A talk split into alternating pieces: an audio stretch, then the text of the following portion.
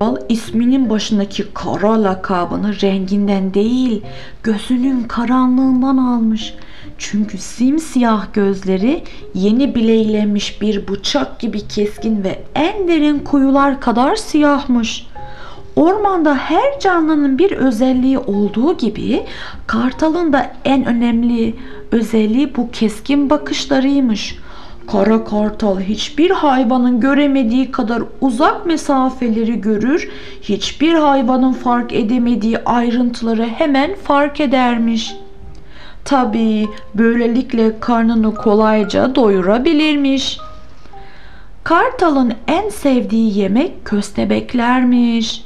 Ulu kavağın gölgesine sığınır, kilometrelerce uzakta gezinen köstebeği fark eder ve hızla uçuşa geçermiş. Köstebek ne olduğunu bile anlamadan kendini kartalın sofrasında bulurmuş. Hem kartalın hayvanları görebilmesi için toprağın üstünde olmaları da gerekmezmiş. Toprağın altında hareket eden hayvanları kıpırdattıkları taşlar sayesinde fark eder, yerlerini tespit edermiş. Yani kartalın bu keskin bakışlarından kaçan da saklanan da kurtulamazmış.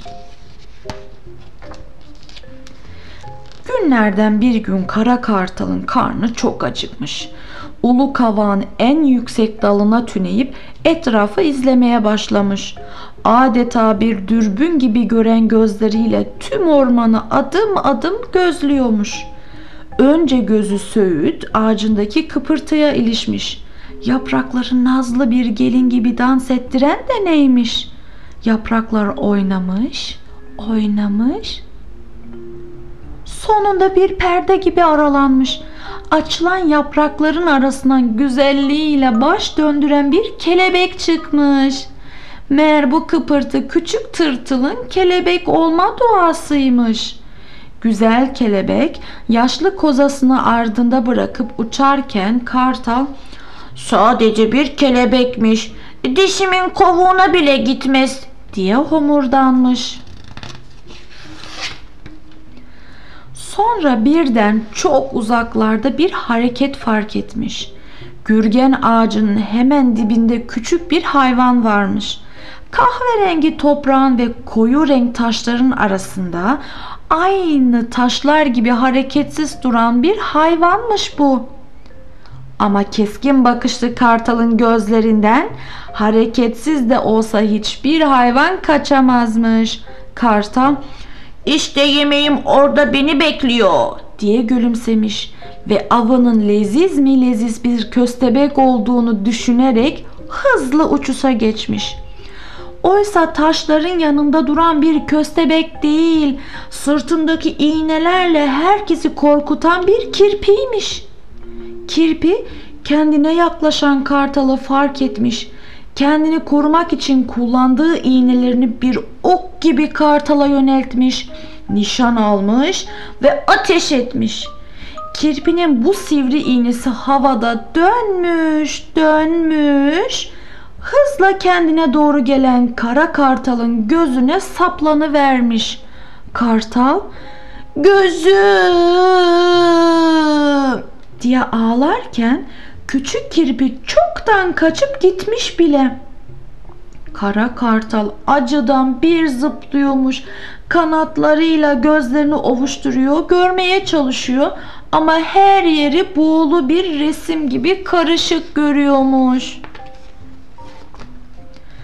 Korku içinde eyvah ne olacak şimdi hiçbir şey göremiyorum kör oldum diye bağırmaya başlamış. Aradan dakikalar geçmiş. Gözlerini ne kadar ovuşturduysa, açıp kapadıysa, yukarı aşağı oynattıysa da görüşü bir türlü düzelmemiş. En sonunda acıya dayanamayıp gözlerini kapatmaya karar vermiş. Kartal gözlerini kapatınca korkmaya başlamış.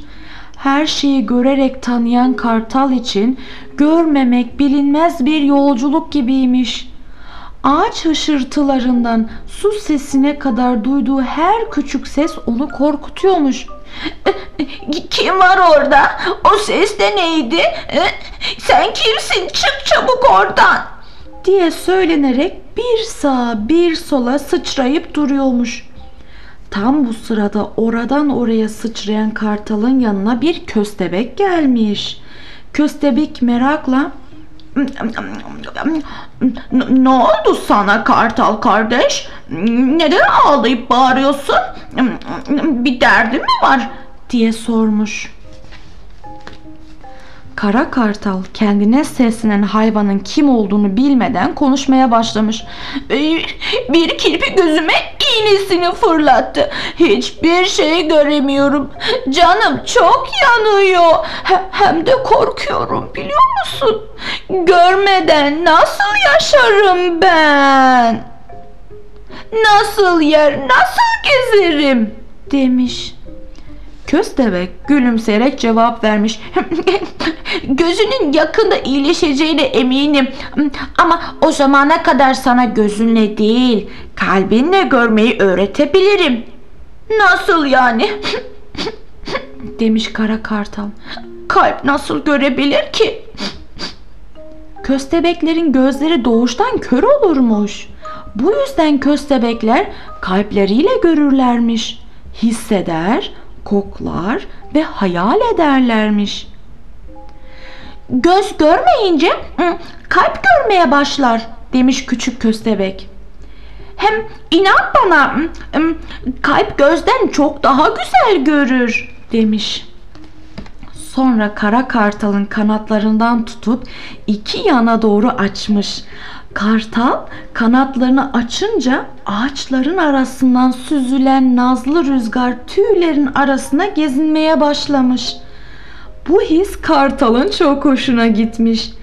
Kartalın memnuniyetini hisseden köstebek Rüzgarı gördün mü? diye sormuş. Kartal çok şaşkınmış. O o güne kadar rüzgarın görülebileceğini hiç düşünmüyor mu? Hiç düşünmüyordum. Oysa tenime dokunup onu okşayan rüzgar adeta kendini gösterir gibiydi.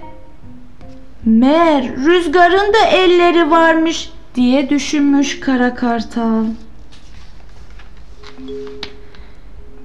Şimdi sıra güneşi görmekte demiş köstebek. Kartalın heybetli vücudunu güneşe çevirmiş. Tüyleriyle birlikte kalbinin de ısındığını fark eden kartal Evet demiş. güneşi görüyorum. Sonra köstebek ağaçları, böcekleri, havayı, suyu, yağmuru ve gök kuşağını göstermiş. Kalbi gördükçe kartal şaşırıyor, şaşırdıkça hayran oluyormuş. Nasıl? Diye sormuş köstebek. Kalbinle görmek hoşuna gitti mi?